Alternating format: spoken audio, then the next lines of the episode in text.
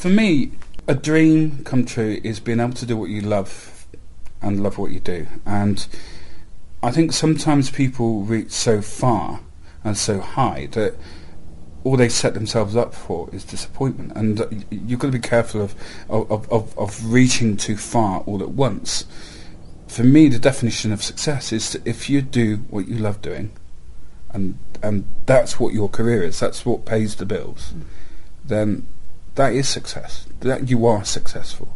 Because I've often been asked about situations where winners of talent shows have, have ended up not doing as much, but and and that's been somehow suggested that they're not successful.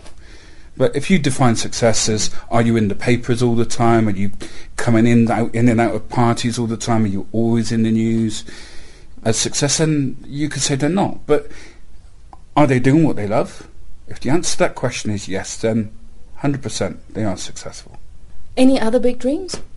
Um, I feel greedy if all my dreams come true. Um, I just want to continue doing what I love doing and keep coming back. Now that I have come here professionally, keep coming back to this beautiful country and do more shows in more places.